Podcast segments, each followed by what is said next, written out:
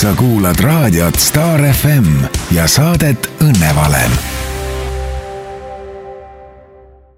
no tere tulemast, alustab saade Õnne valem. minu nimi on Dali Keter-Karat ja meie avasaates on külaliseks Peep Vain.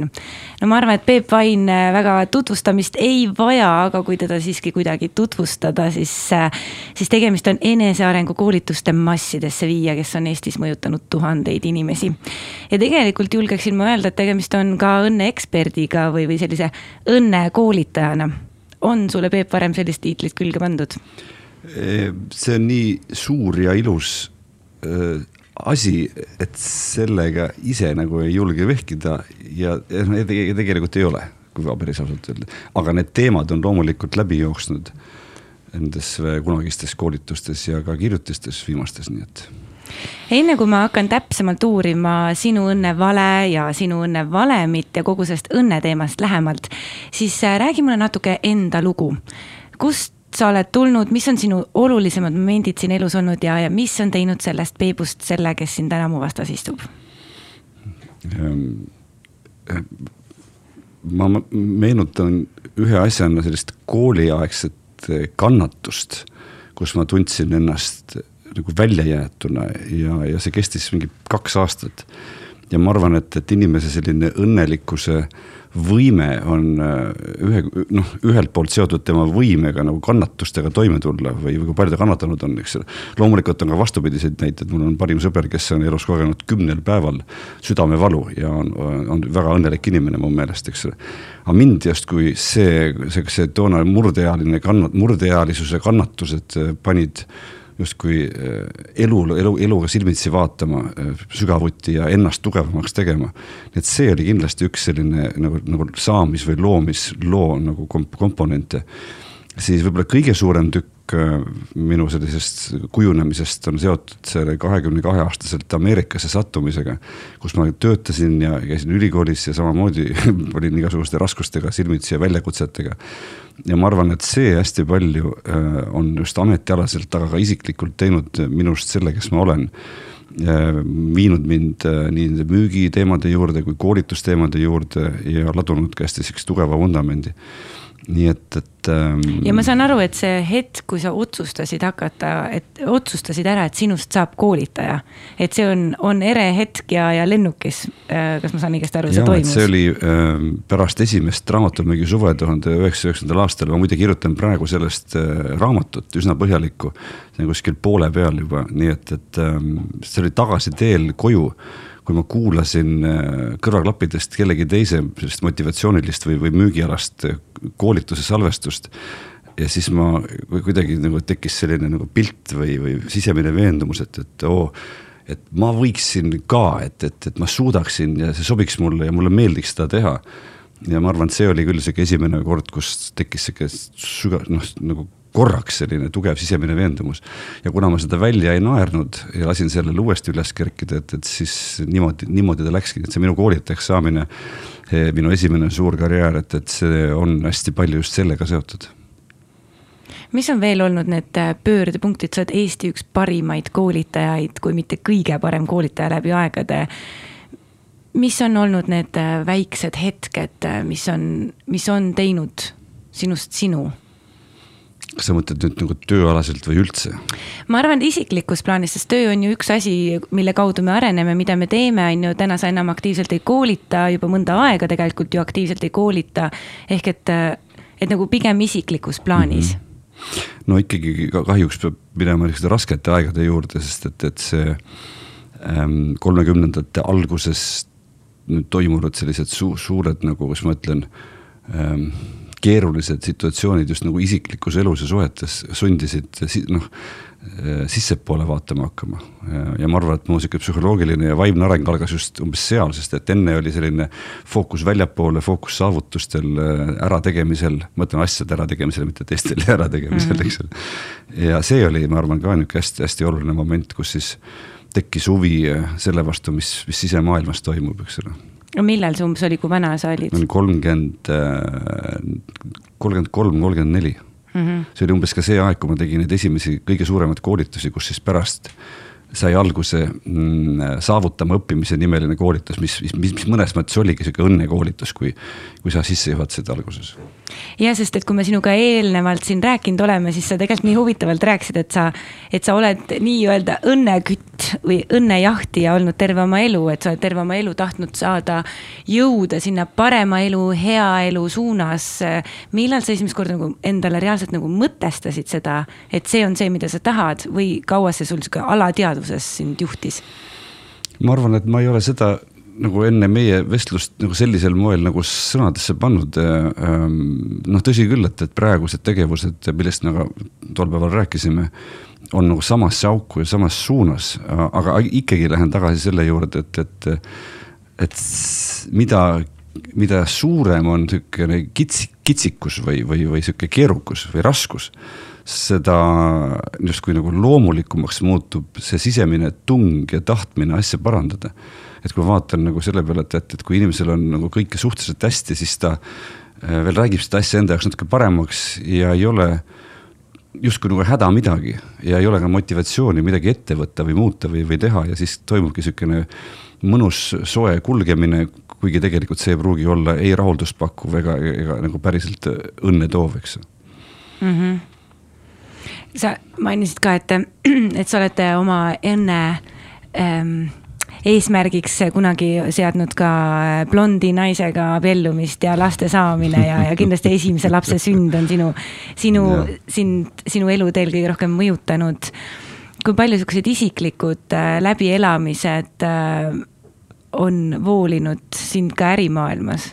Absoluutselt palju, eks ole, et, et see blondi naise jutt, see oli nagu natukene keel põses öeldud, aga sellegipoolest, et visioon, selline visioon tõesti oli, et ma tulen Ameerikast koju.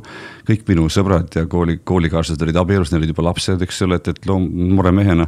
ma kujutasin ette, et, et mul saab olema pere ja, ja abikaasa ja lapsed ja kodu ja asjad, eks, et, et, et see ma arvan, see on esmane, aga, aga siiski tagasi võib-olla selle lennuki jutu juurde, et, et üks asi, mida ma olen ka teistele eh, ette pannud või soovitanud, ongi see nagu tulevikuvisioonide tulla lubamine ja nendega ise teadlikult justkui ette kujutamine.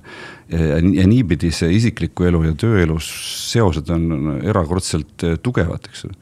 ma arvan, et eri vanustes inimesed, kes paneb ühe ettepoole, kes paneb teise ettepoole, aga nad peavad, need on nagu, nagu mulle meeldib öelda, nagu Andrus Veerpalu ei olegi enam popp nimi, eks, aga klassikaline suusastiil, et üks suusk läheb nagu ees, see isiklik elu ja siis see tööelu läheb nagu mööda sellest ja niimoodi lähed nagu siuh-siuh, eks mm. -hmm.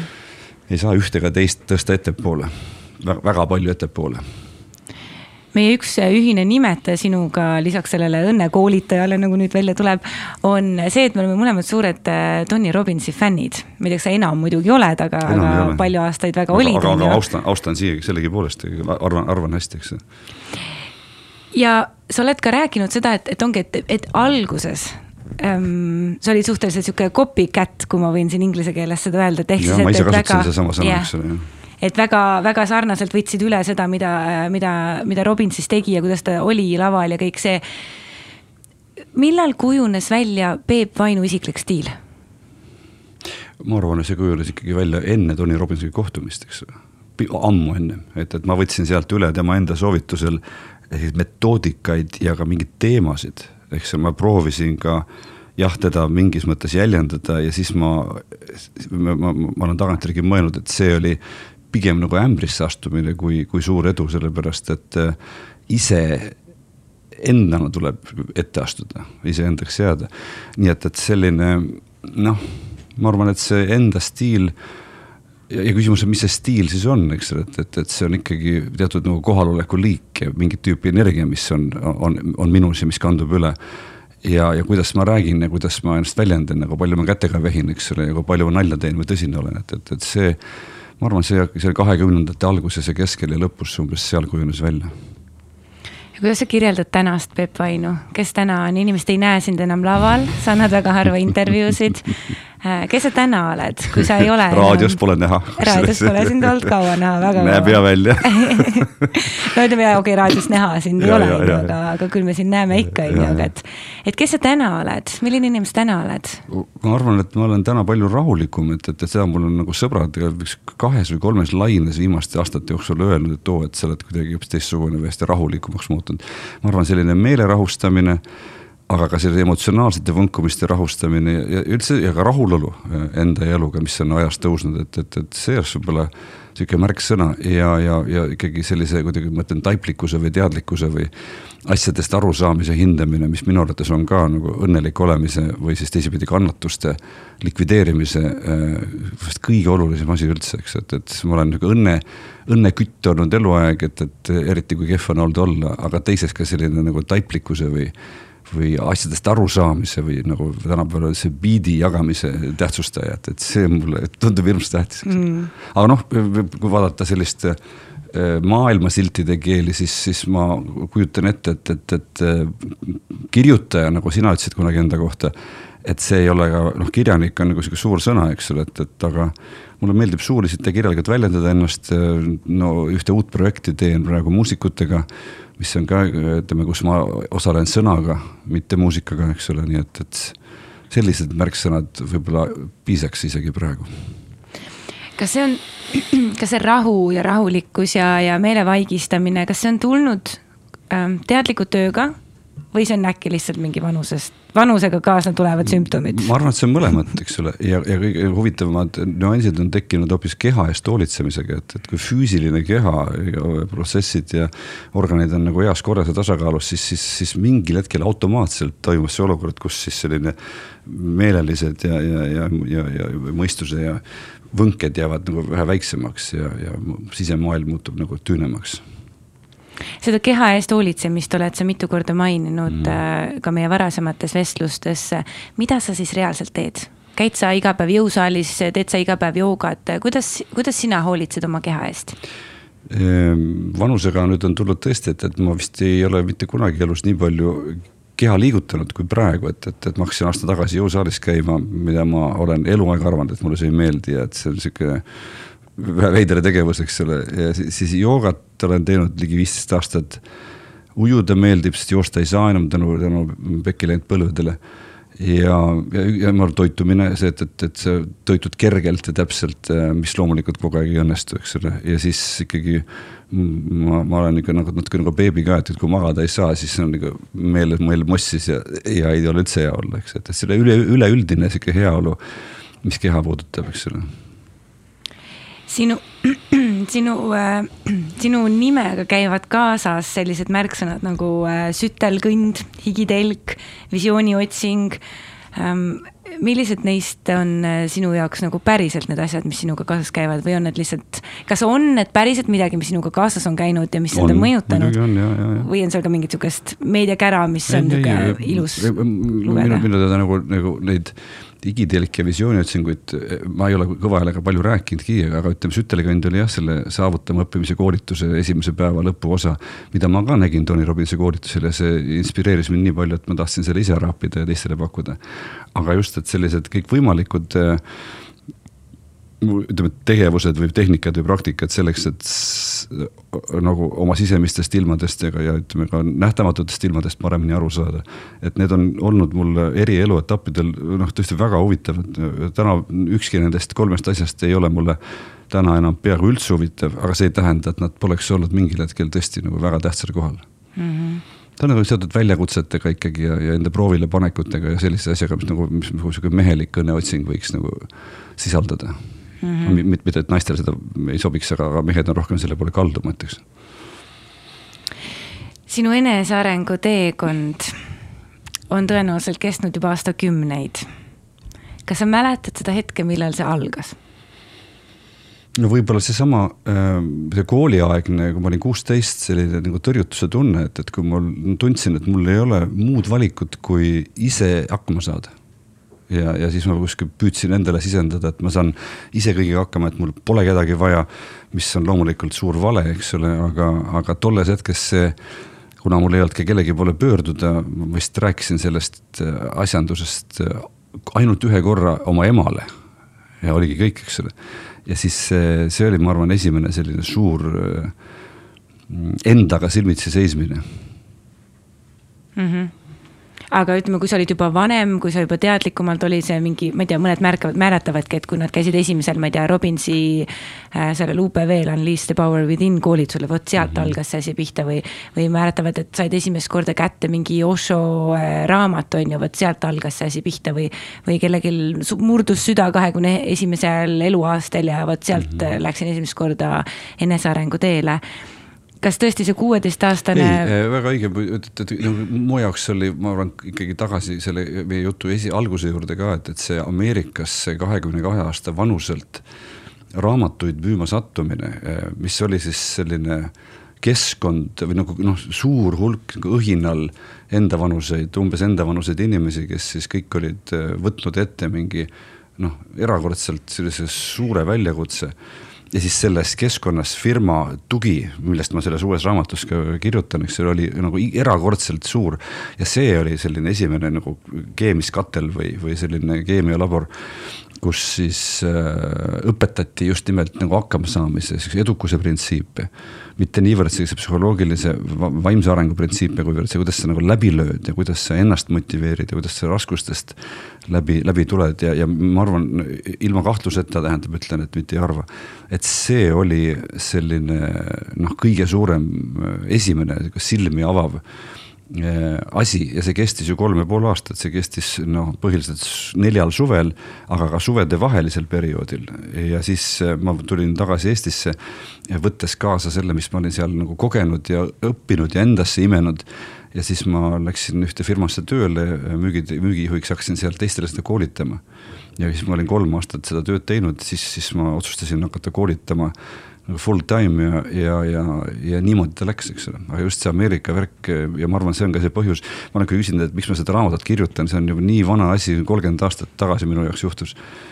aga, aga, aga sealt on, ma arvan, ma arvan, mul endal on vaja see enda lõbuks ja rõõmuks nagu välja kirjutada ja kuskile punkt panna, kuigi ma olen sellega punkti pannud ja lõpetanud selle asja sisimas ära kaks tuhat viisteist juba enda jaoks, noh, ka, ka, ka mitte väga pikka aega tagasi, üsna hiljuti mm. -hmm ja siis ähm, ja, ja ma tegelikult ka arvan, et seal on teistel äh, nii otse kui kaude üht-teist võtta aga millal oli see hetk, et üks on, üks on see, et jah, mis sa räägid, on ju, et sa hakkasid tööd tegema hästi palju ja kõik see, kui, kui ongi distsipliini olulisust räägitakse ju seal hästi palju, on ju, ja kõik see visualiseerimine ja, ja see töökus ja ongi, et, et kedagi ei huvita, kas ja. sul on tunne teha või mitte või kas on hea päev või mitte, sa lihtsalt teed, on ju, sest sul on niimoodi ette kirjutatud mm -hmm. ja see on nagu eesmärk ja siis see raha ja siis see kuulsus ja au ja kõik need koolitused ja aina suuremad ja suuremad lavad ja aina suuremad mm -hmm. tasud ja kõik see, kõik see nagu materiaalne ülesehitus.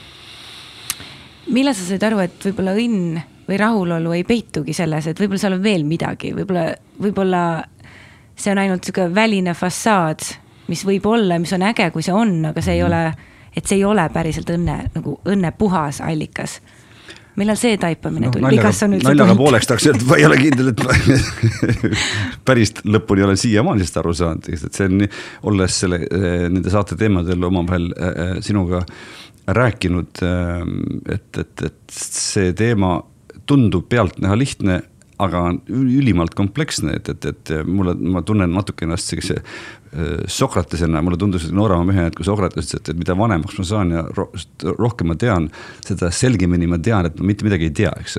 ja see tundus mulle sihukese eputamise või, või, või nagu natuke nagu sihukese mm, kenitlemisena, aga, aga ma tunnen natuke samamoodi, et, et ega nagu ma oskan e-, tagantjärgi kirjeldada ja, ja hetkes tunnetada, et mis mulle sobib ja mis mulle meeldib, aga kuidagi öelda teiste jaoks täpselt, et tee nii või tee naa, et, et, et seda nagu palju tahta, aga tuleta meelde, mis küsimus oli? ma läksin natuke kõrvale. et, et millal sul tekkis see enesearengu koht? ahah, meil meenub jah ja., et ikkagi tagasi selle, selle nende isikliku elu ja, ja, ja suhtekriiside ja nende juurde, kus siis nagu tunned, et, et, et nagu sellise väljaspoole suunatud äh, tegudele ja, ja tegutsemisele orienteeritud lähenemisega äh, ei kompenseeri sisemist valu. Ja, ja siis, kui hakkad aru saama, et ahaa, et, et, et minu sees toimuvad mingid põnevad protsessid, millest mul aimugi ei ole. et selleks on tarvis kõrvale kedagi inimest või mitut inimest, kes aitaksid vastu peegeldada ja, ja need lahti harutada ja ära sorteerida ja, ja kuidagimoodi paremini korrastada. ma arvan, et, et see ja siis, kui ma tegin neid eesmärkide või saavutamise koolitusi siis äh, see oli nüüd siis öö, äh, otseselt pärast neid perioode, mida ma kirjeldasin siis äh, olles teinud neid mingisugune neli-viis aastat ja ka osalenud Robinsi Date with Destiny koolitusel, mis noh, küsibki, et, et aga aga mis siis, kui sul kõik on nagu käes või mis siis, kui see, mis sa jahid, on, on nii kaugel, et, et, et seda ei jaksa ära oodata. ja siis ma küsisin endalt, aga kuidasmoodi konstrueerida oma, oma sihukest maailmakäsitlust niimoodi, et, et et ükskõik, kas mul on eesmärk või ei ole, ükskõik, kas ma saan neid või ei saa ja kas ma saan neid kohe või, või pika aja pärast, et, et siis kuidas teha nii, et homme oleks ka hea olla? Ja siis see teema, eriti läbi just emotsioonide nagu tajumise ja tunnetamise ja nendega toimetuleku, et, et, et siis kuskil kahe tuhande seitsmendal, kaheksandal tekkis selline sügavam sisemine taju ja siis sinna vahele jäi veel ka üks äh, sütelkõndimise instruktorite koolitus, mis tagasivaates võib öelda, oli esimene sihuke reaalselt nagu vaimsete mõõtmetega ja, ja, ja teemadega kokkupuude kahe tuhande teisel aastal. et see on sihuke nagu pudru olnud või niimoodi nagu see ei ole olnud see hästi selgelt lineaarne, vaid nagu üks asi ees, teine järgi, aga. aga ma, ma, ma ei saa kahjuks ikkagi üle, et, et, et kannatused vormivad ja, ja mida kehvem on olla, seda ja kui sul on nagu jõudu ja julgust, siis sa tõused sellest kõrgemale ja, ja, ja hakkad rohkem tahtma, et oleks hea jah, nagu see ütluski on, mis mulle isiklikult hästi meeldib, et ainult piisavalt pimedas näed sa tähti. ehk et selleks, et hakata neid tähti nägema, meil peab olema pime, on ju. ehk et selleks, et hakata sinna valguse poole liikuma, ongi, vahel peab olema väga raske ja,. jah, jah, nõus mm. -hmm. isiklik vastutus on sinu jaoks hästi oluline. seleta seda natuke lahti täpsemalt, mis see tähendab, isiklik vastutus? noh, isiklik vastutus minu jaoks tähendab seda, et, et, et ma saan, ma teen äh, nagu vahet, mille üle mul on kontroll ja mõju ja mille üle ei ole. ja siis, kui ma saan aru, mille üle mul on, mida ma saan muuta, siis ma püüan seda ka muuta ja annan endast parima, et see õnnestuks. kui, kui läheb, kuidas läheb, siis teen sellise au, ausa analüüsi ja katsun teha mingeid järeldusi, mitte ei katsu otsida põhjendusi või vabandusi äh, sellele, et miks mul ei tulnud välja. ja teine pool on siis need asjad, mis minu kontrolli all ei ole, mis must ei sõltu ja siis on küsimus, et kuidas teha nii, et nendest oleks heas mõttes võimalikult ükskõik, et, et, et ma ei lase nendel ennast häirida keskendun sellele, mida ma muuta saan ja suhtun leebe huumorimeelega sellesse, mida ma muuta ei saa. ma arvan, et see on kõige lühikokkuvõte sellest, mismoodi, mis ja see on olnud minu nende koolituste, ma arvan, sihuke läbiv teema läbi kõikide nende aastate. kuidas sul täna on, kus maal sa täna oled, kas on veel võimalik äh, sind närvi millegagi ajada või endast välja ajada või? muidugi, jah. mis sind täna ärritab? aga järjest mis... vähem, eks ole, noh, ütleme niimoodi, ärritus on üks asi, aga, aga kui me räägime õnnest üldse, siis äh, kuna saade on ju õnnevalem äh, minu jaoks õnnelik olemine seostub nagu suures osas sellise noh, tujuga või, või mis seisundis ma olen.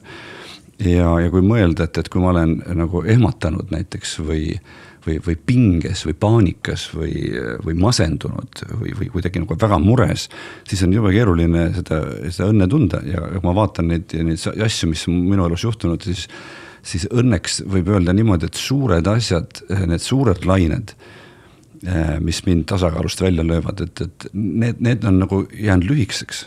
ehk siis ma, need asjad lahenevad seesmiselt ja, ja, ja, ja läbi enda pingutusega välimiselt tavaliselt suht kiiresti, eks ole no kui sa midagi muuta ei saa, siis sa pead lihtsalt nagu laskma sellel ära settida ja siis need pis pisemad asjad, need ei aja enam, need ei häiri nii väga. aga noh, näitena võib tuua seda, et, et, et et pärast meie üleeilset kohtumist üks mu lastest oli liiklusõnnetuses, eks ole, ja tal sõitis ülekäigurajal auto otsa ja tal läks väga kerge, noh kergesti suhteliselt, aga, aga, aga ükski liiklusõnnetus, kui auto tuleb viiekümnega, ei, ei ole kerge, nii et, et, et isana ütlen, et, et ma olen nüüd eile ja, ja, ja üleeile ja täna ikkagi nagu noh, olnud hetketi väga endast väljas, eks ole. ja, ja siis tuleb, jääb üle ainult tänada õnne, et, et, et läks nii, nagu läks, eks ole, et tegelikult läks õnnelikult. aga selle juures on ikkagi selline noh, erinevad asjad, mured ja, ja, ja vahel viskab mõne hirmu, hirmupoisi püsti, eks ole, nii et, et, et ma noh, õnneks või kahjuks ei ole sellele kõigele muidugi mitte immuunne.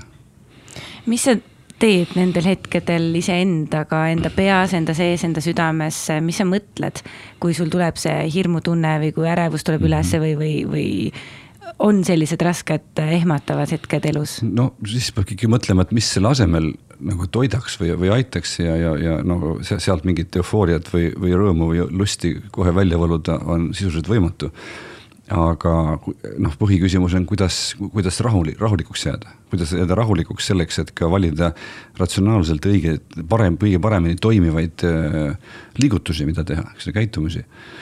ja, ja teine pool on ikkagi, et las, lasta nagu korraks olla, et mitte tõrjuda, mitte pugeda, pugeda liiva alla peitu, mitte suruda midagi kuskile peitu, vaid nagu lihtsalt vaadata selle olukorraga ja oma tunnetega tõtt ja samal ajal justkui nagu püüdes rahuneda. ja, ja samal ajal teha neid asju, mis ratsionaalselt aitavad olukorda lahendada mm on sul mingisugused tehnikad, mida sa kasutad näiteks emotsioonide vabastamiseks või, või üldse nende lubamiseks? Ehm, ma, mulle meeldib emotsioone mitte niivõrd nagu esimese hooga vabastada, kui, kui, kui noh, ja, ja ma ei tee seda nüüd, nüüd ma ei tee seda ammu enam teadlikult, aga nimetada et mis siis päriselt toimub, eks ole, katsuda seda olukorda realistlikult hinnata ja, ja noh, nii, nii nagu lihtne, kui see ka ei tunduks, aga ikkagi, et, et, et ei tohi unustada hingamist, eks ole. eriti kui mida suurem stress, mida suurem kokkusurutus, seda, seda rohkem kohe aitab, kui sa lihtsalt lased sellel päriselt nagu füüsiliselt mõned korrad sügavalt sisse-välja hingata ja, ja, ja võib-olla ka hoidud tegutsemast kõigepealt. et lihtsalt nagu lased olla. et ei või, ei võitle ei võitle ja ei püüagi midagi teha, vaid, vaid natuke nagu korraks nagu alistud sellele olukorrale see on ju kusjuures väga keeruline asi, mida teha, sest et inimesena, nii kui tekib mingi stressiolukord, meie rooma ja aju kohe reageerib mm, -hmm. võitle, põgene, tardu seisund kohe tahab ju peale tulla. kes mida sealt kolmest valib, on ju, ja kohe tahaks ju tulla reaktiivne käitumine.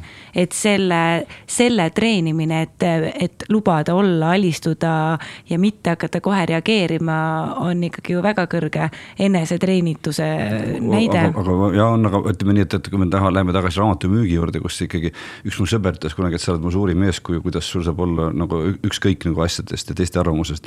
mõtlesin, et kui sind oleks nii palju peesse saadetud kui mind, eks ole, elus, siis oleks sul ka ükskõik, et, et, et see sama treening, keegi ütleb sulle lihtsalt ära või näiteks, kui noormees läheb neiut tantsima kutsuma ja teeb seda võib-olla tuhat korda järjest ja saab nagu pooltel juhtumitel korvi näiteks, eks ole mm. -hmm. et mis sa siis, kuidas, mida, mida, kuidas sa mõtled selles olukorras, mis sa teed, eks ole, kuidas sa lähed naeratava näoga edasi, nii et sisimas ka on enam-vähem rahulik olukord. mitte sisimas ei ole sihukene viha ja möll ja, ja mask on ees, et, et nüüd on kõik väga hästi, eks. et ähm, selline just teadlikult äh, raskustes olemine ja nendel, nendest läbi tulemine ja ka oma tunnete jälgimine ja reguleerimine. ma arvan, et see on äh, selline noh, et see ei ole lihtne, see, see, see sa pead nii nagu õnnelik olema, sa pead seda tahtma, sa pead tahtma, sa pead seda nagu.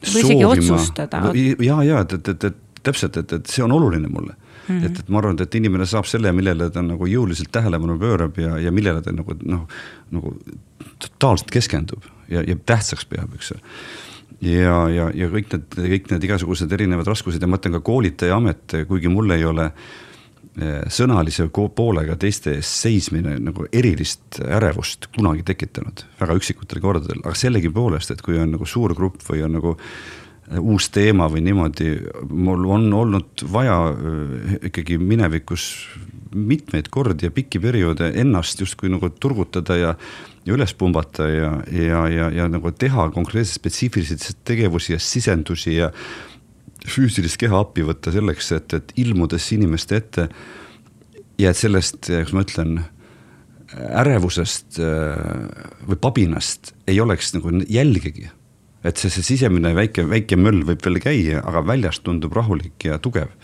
ja koolitaja töö, nii nagu ma arvan, ka laulja või näitleja või artisti töö nagu on, on üks selline ebakindluse maskeerimine ja, ja ebakindlusega võitlemine. Ja mida rohkem sa seda teed, seda loomulikumaks see muutub, et, et see ei ole eitamine ega selle asjade peitussurumine, vaid see on sihuke reaalne praktika, kus sa õpidki just ka raskete tunnetega ja nendega, mis seda õnne tapavad, eks ole, sama, kas see on siis nagu näiteks ütleme kasvõi eemalt süütunne või häbi või mure või ärevus või hirm või pinge või isegi üleliigne pinge, eks, et õpidki nendes olema ja neid justkui asendama mingite paremate seisunditega et selle nagu sihuke teaduslik nimi võiks olla emotsionaalne intelligentsus, et, et mina usun, et õnne, õnnelik olemise juures oma tunnetega toimetulek on nagu erakordselt tähtsal kohal hästi kerge on äh, sattuda neid äh, negatiivseid tundeid lubades endale äh, ja neid kogedes sattuda sinna ohvrirolli mhm. lõksu mm, -hmm. kus meie ego hakkab toituma nendest negatiivsetest tunnetest ja kogu aeg on niisugune tunne, et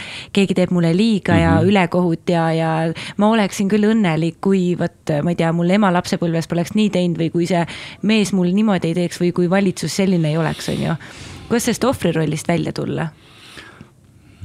Äkki läbi selle isikliku vastutuse, mu esimene sihuke intuitiivne vastus oleks olnud, et ma ei tea.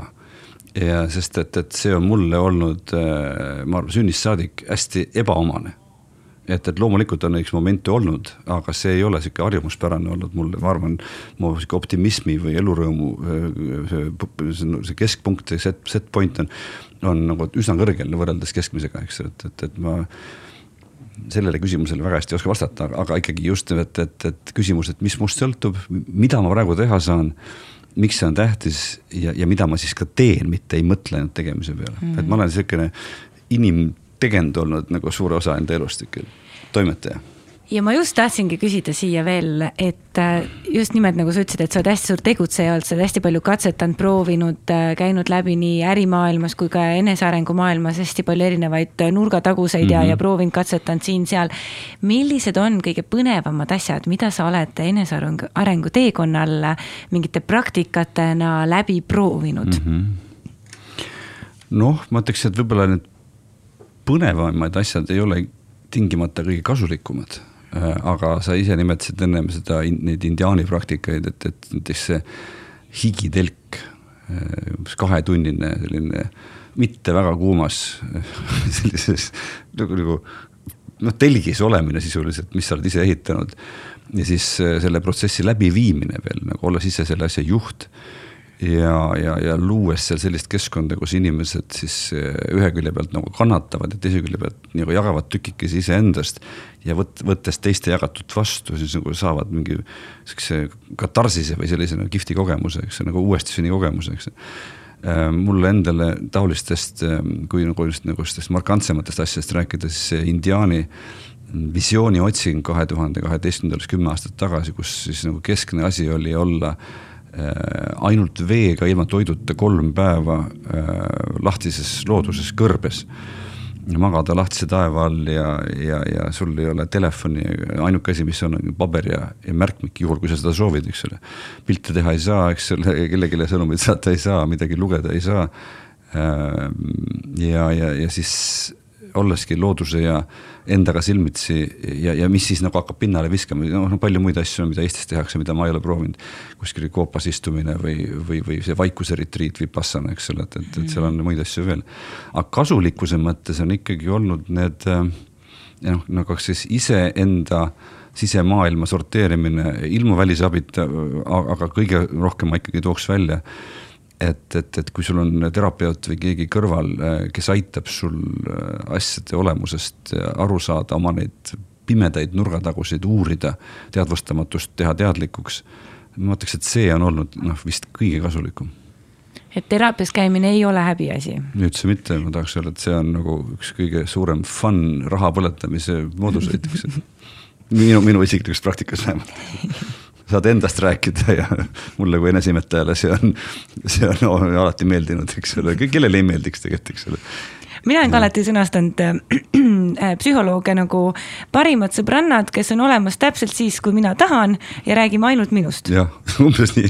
Ja, ja, ja, ja minu raha eest, eks ole. ja minu raha eest ja minu aja, ajal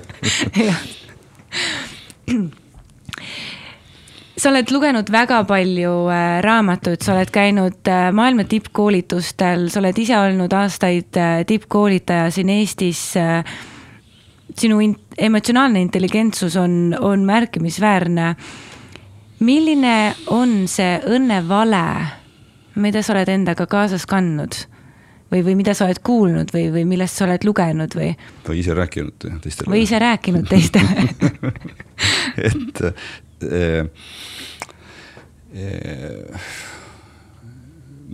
sõltub, kui ahne keegi on ja kuidas keegi, ma olen väga ahne inimene olnud eluaeg ja ka sellise õnnelikkuse ja, ja enda vajaduste rahuldamise koha pealt, eks ole, või üldse nagu kihvti elu loomise või saavutuste koha pealt, aga ma mõtlen, et et kui inimene on väga ahne, siis ta võib endal õnnelik olemist takistada ja keelata äh, läbi sellise vale, et, et, et kusagil tulevikus, siis kui ma teen ära selle ja teise asja ja juhtub see või teine asi ja ma saan kolmanda või neljanda asja, et siis mul hakkab hea.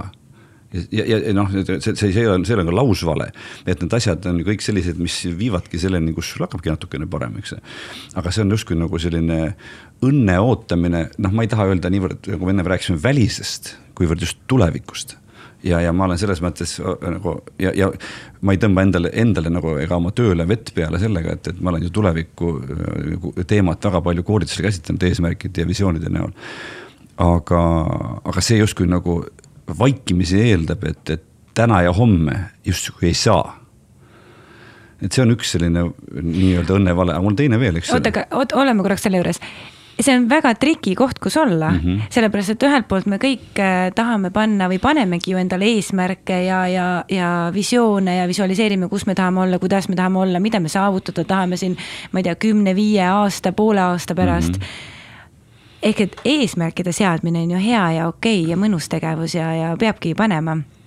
ja teiselt poolt, kuidas panna eesmärke, aga olla juba täna õnnelik. sest see, see lõks minu meelest, kuhu me seal kukume, on see, et, et et me hakkame endale rääkima nüüd seda lugu, et kui ma saavutan need eesmärgid, et siis ma justkui olen õnnelik. ja, ja sellel on siis nagu ma ütlesin, ahnuse pool, teine on selline võib-olla kitsik, kitsikuse pool või selline nagu ahnuse vastand Äh, mitte ihnus, vaid pigem selline nagu väiksed nõudmised, eks ole, ähm, siis üks asi, mis ma ise olen enda peal rakendanud, on see, et, et kuna mul see asi, mis on elus tähtis, ei ole nagu praegu väga heas korras, aga enamik muid asju on, siis tänu sellele, et näiteks isiklikes suhetes võib-olla või, või, või tööalaselt äh, mul mingil perioodil näiteks ei õnnestu asjad, äh, järelikult ma ei tohi öelda endale ega teistele, et ma olen õnnelik inimene. et, et see, see, ma võtan nagu mingi ühe asja ja kui ma peaksin üldistama seda, ma tahaks öelda, et, et see on ikkagi selles, et, et tihtipeale võib olla enda õnne definitsioon seesama piirav tegur, mis ei lase sul õnnelik olla, et see õnne definitsioon on liiga nõudlik, liiga ähm, väljaarvav vastandina ka kaasa arvavale, eks ole, või ka kaasa, sissearvavale. ja, ja, ja me teeme lihtsalt ise oma kõrgete nõudmistega selle õnneliku olemise endale kas keeruliseks või täitsa võimatuks. ja sellepärast ma ütlengi, et, et, et mulle viimasel, viimastel aastatel väga ei meeldi mingeid soovitusi jagada aga kui äh, küsisid äh, saate tiimiga, et, et, et kuidas tutvustada ja siis ma ütlesin, et mida, mida te ei, ei kasutanud, sest et aga öelge, et, et ma olen praegusel hetkel üldiselt üsna õnnelik inimene ja see oli enne seda lapse autoavariid, eks ole, et, et see pani ka asjad natuke teise perspektiivi. üldist seisundit see ei muutnud, aga sellist hetketuju ja meeleolu küll. Nii et, et see, miks ma seda räägin, on see, et ma tahaks öelda, et, et, et meenutada endale ja võib-olla siis ka kelle, kellelegi, kes praegu kuulab, et, et just, et tänulikkus selle üle, mis on praegu juba hästi Äh, on üks õnnelik olemise sihukene kihvt alge ja, ja kui, ja kui julgeda ebaeestlaslikult endamisi endale, aga ka lähedastes vestluses öelda, et, et kui kuidas sul läheb, eks ole võiks öelda mitte, et normaalselt või, või nagu enam-vähem või pole väga viga või pole millegi üle kurta, nagu mulle endale meeldib vahel niisuguse sarkasmi või huumoriga öelda. tegelikult võiks öelda, et, et, et tänan küsimast. ma, mul läheb üsna hästi. ma olen üldiselt viimastel aegadel üsna, üsna ja kohati isegi väga õnnelik inimene. Mis oleks, kui prooviks. Ja, ja ma usun, et mida rohkem seda öelda, seda nagu normaalsemaks see muutub. mida, mida rohkem sa lubad seda, seda rohkem sa märkad seda, mis on hästi, nii et, et, et see, eks see ole ka nagu väike enesepettus või enesesisendus, aga, aga, aga ma arvan, et see töötab paremini kui selline mossitamine või, või, või väga nõudlik või, või nagu ülikarm olemine enda vastu jah, sest vahepeal on ju see, et näiteks meil on, ma ei tea, viis asja elus, neli nendest on hästi, üks on halvasti, on ju. või üks on ebarahuldavas vormis. ja siis me ütleme, et aga, et kuidas ma siis nüüd õnnelik. jah, ma läksin nüüd sellele, eks. jah, et, et mul ju ei ole kõik hästi, on ju, et selleks, et ma saaksin öelda enda kohta, et ma olen õnnelik või rahulolev või. või, või enamjaolt õnnelik, et mm -hmm. siis mul mhm. peavad justkui kõik need viis erinevat valdkonda nagu olema, kas siis hästi või väga hästi. definitsioonidest rääkides mulle meenub ikkagi Schopenhaueri raamatust loetud, et õnne definitsioon, ta ütles, et, et võib ju öelda ka nii, et ma olen õnnelik siis, kui ma olen terve ja heas tujus. ja, ja, ja noh, ütleme terve, ma mõtlen laiemalt, mitte ainult füüsiliselt, aga ka vaimne tervis ja, ja sisemine heaolu ja mineviku hingehaavad. et see kõik loeb, aga just see tuju, mis on seotud nende tund-, tundetarkusega, et, et, et kui ma mõtlen et kui ma olengi, kui mul füüsiliselt ei ole midagi häda ja ma olen ärgates ja päeva läbides ja õhtul heatujuline siis ei ole, ei ole väga palju justkui põhjust öelda, et, et ma ei ole õnnetu. võib öelda, et, et olen täitsa, täitsa heas kohas iseendaga, mu meelest, eks jah, samas siin on. teha paremaks nii, asju sealjuures. nii kerge on nagu öelda, et see ongi sihuke tavaline või normaalne olek, on ju, et, et õnnelik oleks justkui võiks olla nagu plusspoole peale minek ja see, kui kõik on nagu üleüldiselt sihuke mm, -hmm. ongi, ma ärkan üles, ma olen terve, saan teha neid asju, mis mulle enam-vähem nagu meeldivad või nii, et siis see on see normaalne olek, on ju. kuigi tegelikult see võiks ju olla õnnelik olek mm. -hmm. ma kunagi ühe tegin selle jätkukoolituse, mis oligi õnnelik olemisest sisemine võit ja või see tundetarkus selle sihuke moto oli umbes nii, et kuidas teha nii, et, et oota, kuidas ma ütlesin, et kuidas teha nii, et äh, positiivne oleks tavalisem. et tavaline oleks positiivsem mm. -hmm. et kuidas ise teadlikult seda nagu järjest nagu paremaks sättida või tuunida. nii et, et. kas õnn on treenitav sinu jaoks? ma arvan küll, jah. saame me treenida ennast olema rohkem õnnelikud? jah, sest et kui me ütleme, võtame sama selle emotsionaalse intelligentsuse või tuju või tundetarkuse, kui me saame ennast stresseerida nagu järjest loomulikumalt heasse seisundisse. ja selle eeldus on ka see, et me oskame nüüd neid suuri viletsaid asju paremini läbi töödelda, eks ole. aga see, et ma, ma järjest parem, rohkem kultiveerin kasvõi sedasama head tuju.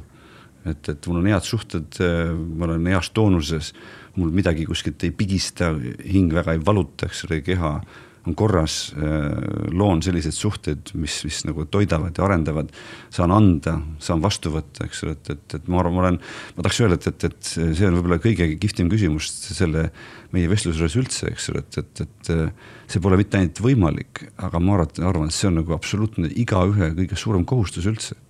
et kui inimene seda endale tähtsaks ei tee ette ei võta ja sellega nagu nädalast nädalasse, et mitte öelda päevast päeva, justkui korraks nagu tõtt ei vaata. et, et siis see üleüldine elu nagu, nagu negatiivsus ja termodünaamika teine seadus, et universum nagu liigub entroopia või, või kaose või korratuse suunas. ja kui ma ise oma sisemist sellist nagu korda ja, ja oma lähiümbruses ja nii suhetes kui mateerias nagu korda ei loo, siis ma justkui allun ja alistun sellele sellele kaosele, eks ole, ja siis on põhjust küll olla õnnetu mm. -hmm no ütleme niimoodi, et kui, kui ma tahaksin olla nagu natuke sind äh, torkida siin, et siis, äh, siis ma võiks öelda, et äh, noh, mis Ai. sul, mis sul viga rääkida, sul, sina siin üks, üks rikkamaid mehi Eestis on ju, et sa võid jah rääkida siin seda, et õnn on nagu hea olla ja kõik see on ju. kas raha teeb õnnelikuks? Ehm, ma lugesin ühte Peeter Koppeli Facebooki postitust, küsis, et mis on nagu vaesuse põhjused, ta ütles, et, et, et tegelikult vaesusel ei ole põhjuseid, vaesus on algpunkt. et rikkusel on põhjused, eks ole, see oli kihvtilt öeldud minu arvates. et ähm, ja vastavalt sellest jutustaks nii, et, et äh, raha loob võimalusi, raha on energia ja, ja, ja raha äh, ütleme, aitab rõõmsamini elada. kas ta õnnelikuks teeb, selle kohta ma, ma, ma tahaks öelda, et, raha, kui seda valesti kasutada, võib ka õnnetuks teha.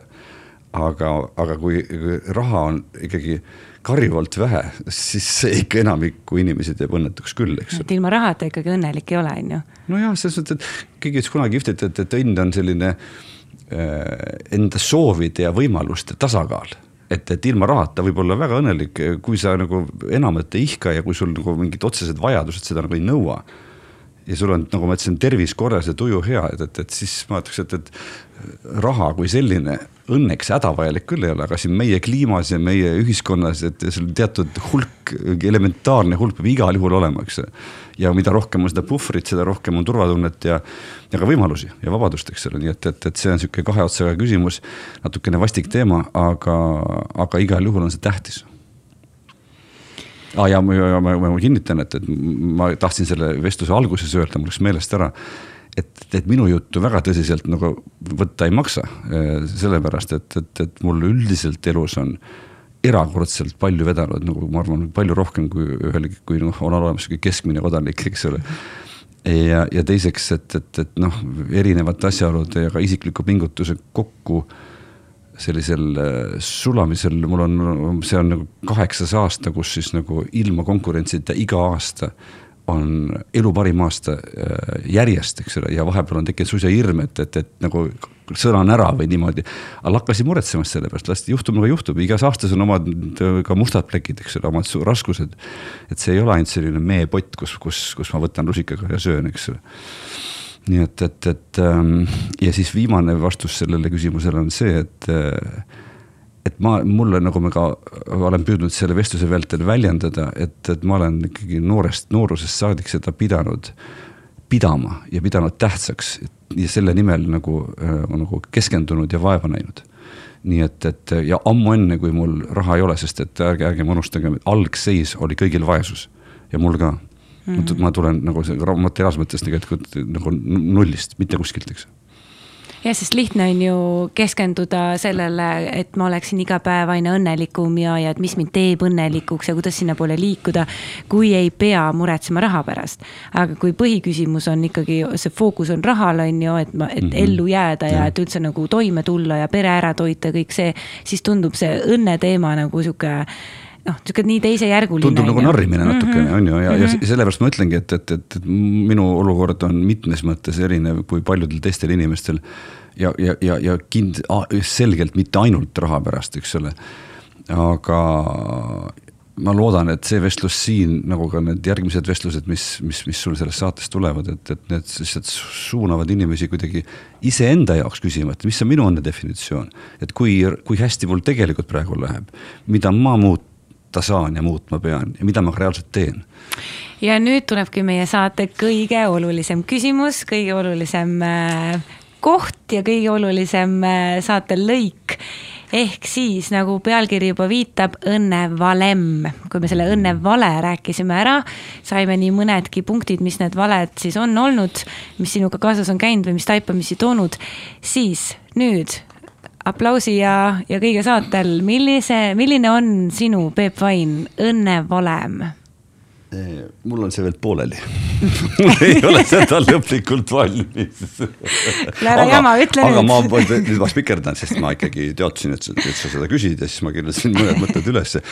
ma mõtlesin seda vaadata umbes nagu ühe keele pealt niimoodi, et, et esimene punkt number üks, et, et kui suur on kannatuste hulk minu elus alates füüsilise keha kannatustest, eks ole, suur või väike, et mida nii-öelda rohkem on kannatusi, eks ole, siis nagu õnne, õnnevalemiks osa on kannatuste jätkuv vähendamine. et, et valu ja, ja pinge ja, ja häda oleks väike, mitte suur, eks ole. teine punkt sealjuures on äh,, kui hästi ma asjadest aru saan teadlikkust, taipamine ja ma ei mõtle mitte koolitarkust ega õpikutarkust, eh, teadvalolekut, eks ole, tea-, teadlikkust endast, teistest, maailmast, et, et kuidas ma reaalsust tajun ja kuidas ma nagu neid nähtamatuid seoseid näen, kuidas ma asjade taha näen. et kui hästi ma asjast aru saan, sest et, et see eh, kannatused, millest ma alustasin, selle põhiline põhjus, kui vaadata budistliku maailmavaate järgi, on, on tegelikult rumalus. ja rumalus on taipamise või, või, või sellise teadlikkuse vastand, eks ole et seda, selle siis omakorda järjest sihuke suurem selles nii-öelda valemis see, see määr, eks ole. Siis äh, ma panin kolmandaks endale sellise asja, mis natuke nagu tööga seotub, eneseväljendusega on tähenduslikkus. et elu olgu tähenduslik äh,, elu, elu olgu sihuke mõttekus, elul puudub minu arvates universaalne mõte. ja ainuke mõte, mis elul on, on lisaks siis elu elamisele, on see mõte, mida igaüks sellele ise omistab ja see on seotud andmisega, on seotud arenguga, on seotud sihukese enda vajalikkusega, ka tulevikuga, tuleviku lootusega ja visioonide ja eesmärkidega aga ka loominguga, et, et, et see, et kui ma ärkan üles, et, et must on kasu, et, et ma, ma olen mingi oluline mutrikene selles, selles kosmilises mängus siin, selles oma ühiskonnas, oma sõprade ja perekogukonnas, eks ole. Ehm, ja siis ma panin veel tingimused, eks ole, ja tingimuste all ma panin kaks asja, et on suhted ja materiaalsus. et, et kas see, see, see soust, see katel, mille sees ma elan, et, et kas see katel ja see kodu, kus ma olen ja need suhted ja tegemised, kas need on sellised nagu, mis mulle sobivad. ja mida ma oskan ette kujutada ja soovin, eks ole ja, ja viimaseks panin siis omakorda see komponendis ka tunded, eks ole, tagasi algusesse ja, ja, ja, ja enamik kannatusi muide on mitte füüsilised, vaid vaimsed, et, et kuidas ma oma nagu tundemaailmas nagu ähm, toime tulen. Ema, enda emotsioonidega, suurte nende lainetustega, ehmatustega, paanikatega, muredega, pettumustega, haiget saamistega, kõigiga aga siis ka siis selle, nende äramaandamisest edasi minna, et kas ma positiivselt oskan peale keerata või mitte, eks et see on minu selline, ma arvan, tänahommikune õnnevalemi komponendid, et täpseid vahekordi ja ruutjuuri ja, ja neid eh, integ-, integraale ja asju, et, et ma ei oska siia panna. aga see võib olla küll, eks kas nendest eh, punktidest on miski sulle ka kõige olulisem või, või kõige tähtsam? Võib-olla ikkagi see asjadest arusaamine, et kas ma jagan biiti või mitte, eks ole, kas ma saan aru, mis tegelikult toimub. mis toimub mu endaga, mis toimub teistega, mis, mis, mis toimub maailmas. sest et, et kui ma, kui ma, mida, mida paremini ma nagu nähtamatult näen ja mõistmatult mõistan, seda vähem on minu elus kannatusi, mida vähem on kannatusi, seda nagu objektiivselt õnnelik. ma, ma saan olla, olen ja julgen seda tunnistada aga, siis aga, aga ikkagi, ikkagi, aga ikkagi ütleks, et, et, et füüsilise keha tervis, toonus, see, kui puhanud sa oled, korrashoid, et kui sa oled ikka pihta saanud, füüsiliselt muljutud näiteks autoavariis või, või nagu ma omal ajal kukutasin endale kolm aastat tagasi puu selga ja oleks ärevalt surma saanud. või haige, eks ole, et, et kui sul on füüsiline tervis nagu korrast ära või füüsiline kere on korrast ära või sa oled välja magamata, siis, siis nagu tahaks öelda, et all bets are off, mitte ükski süsteem ei tööta mm. -hmm. et nii, et mõnes mõttes see on nagu eeldus. et need on justkui selline selline süsteem, mis äh, üks loob teist äh, ja samal ajal on, ongi, on eelduseks äh, millelegi muule ja, ja üks ei toimi ilma teiseta ja et justkui, et ongi, et, et kui mul on füüsiline keha korrast ära, siis mu vaim kannatab sellega mm, -hmm. aga mhm. samal ajal mul võib olla füüsiline tervis väga tugev, aga kui mu vaim on nõrk, on ju, siis jälle nagu ei ole justkui see terviklikkus ja, ja, või, või kui ma tunnetega ei, ei oska toimetada, on ju. see on keeruline asi ja, ja ma tahan, aitäh, et sa ütled seda, et, et, et see igaüks peab neid erinevaid komponente käesoleval eluetapil enda jaoks justkui tunnetama ja nendega tegelema. ja siis see isiklik valem, mis igalühel on tegelikult erinev, eks ole, et see tekib, aga see ei teki siis, see ei teki siis, kui inimene seda endale ette ei võta, ei teadvusta, ei tähtsusta. Ma keerasin lehe ümber ja mul on veel sõna kord millegipärast väga meeldib, ma olen kirjutanud, et, et veel teine alternatiiv on see, et sul on endaga ja enda asjad korras mõtlen nagu füüsis ja, ja vaim, eks ole, ja, ja haiget saamised ja sisemaailm, siis ma olin teiseks, et sul on teistega asjad korras. ja äh, lähedaste inimestega, kolleegidega, välismaailmaga suh suheldes. sul on materiaalsed asjad korras, ma mõtlen, kas see tuba on korras rahaasjad on korras, eks ole, et, et, et mm. auto on pestud, eks ole. Äh, püksid on trigitud, nagu vanasti öeldakse ja, ja neljandaks, et sul on midagi teha, midagi loota, kedagi ja midagi armastada see on ka üks Hiina vanasõna, mis justkui ütleb, et õnn on see, kui sul on need kolm asja jah, ja tundubki, et see õnn on niisugune suhteliselt eluaegne tegevus. kahekümne kahe aastaselt eh, tõenäoliselt ei olnud kõik need asjad olemas, on ju, vaid ongi mm -hmm. eluaeg vaikselt timmid ühte poolt, timmid teist poolt. nagu see, nagu eks ju. just, vahepeal on midagi, üks ja. asi fookuses, siis on teine asi fookuses, et kõike korraga võrdselt fookuses hoida on, on väga keeruline. ideaalset tasakaalu kogu aeg säilitada, see on võimatu mm. -hmm mm. -hmm. kui palju sina praktiseerid tänulikkust ja kuidas on see seotud sinu ähm, õnnetasemega? ma arvan, et, et, et võrreldes sinuga kahjuks liiga vähe. ahah ja võrreldes ka endaga liiga vähe, et, et, et rohkem on võib-olla kriitilisust, rohkem on nõudlikkust enda vastu. aga ütleme nii, et, et vahel tuleb ikka meelde õnneks.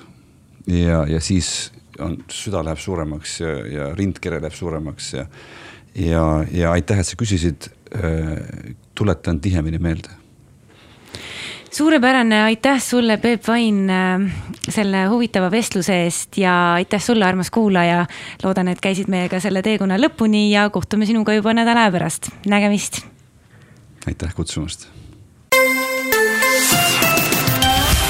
uus raadiosaade Õnnevalem on eetris igal pühapäeval üheteistkümnest kaheteistkümneni. saated on järelkuulatavad Raadio Star FM kodulehel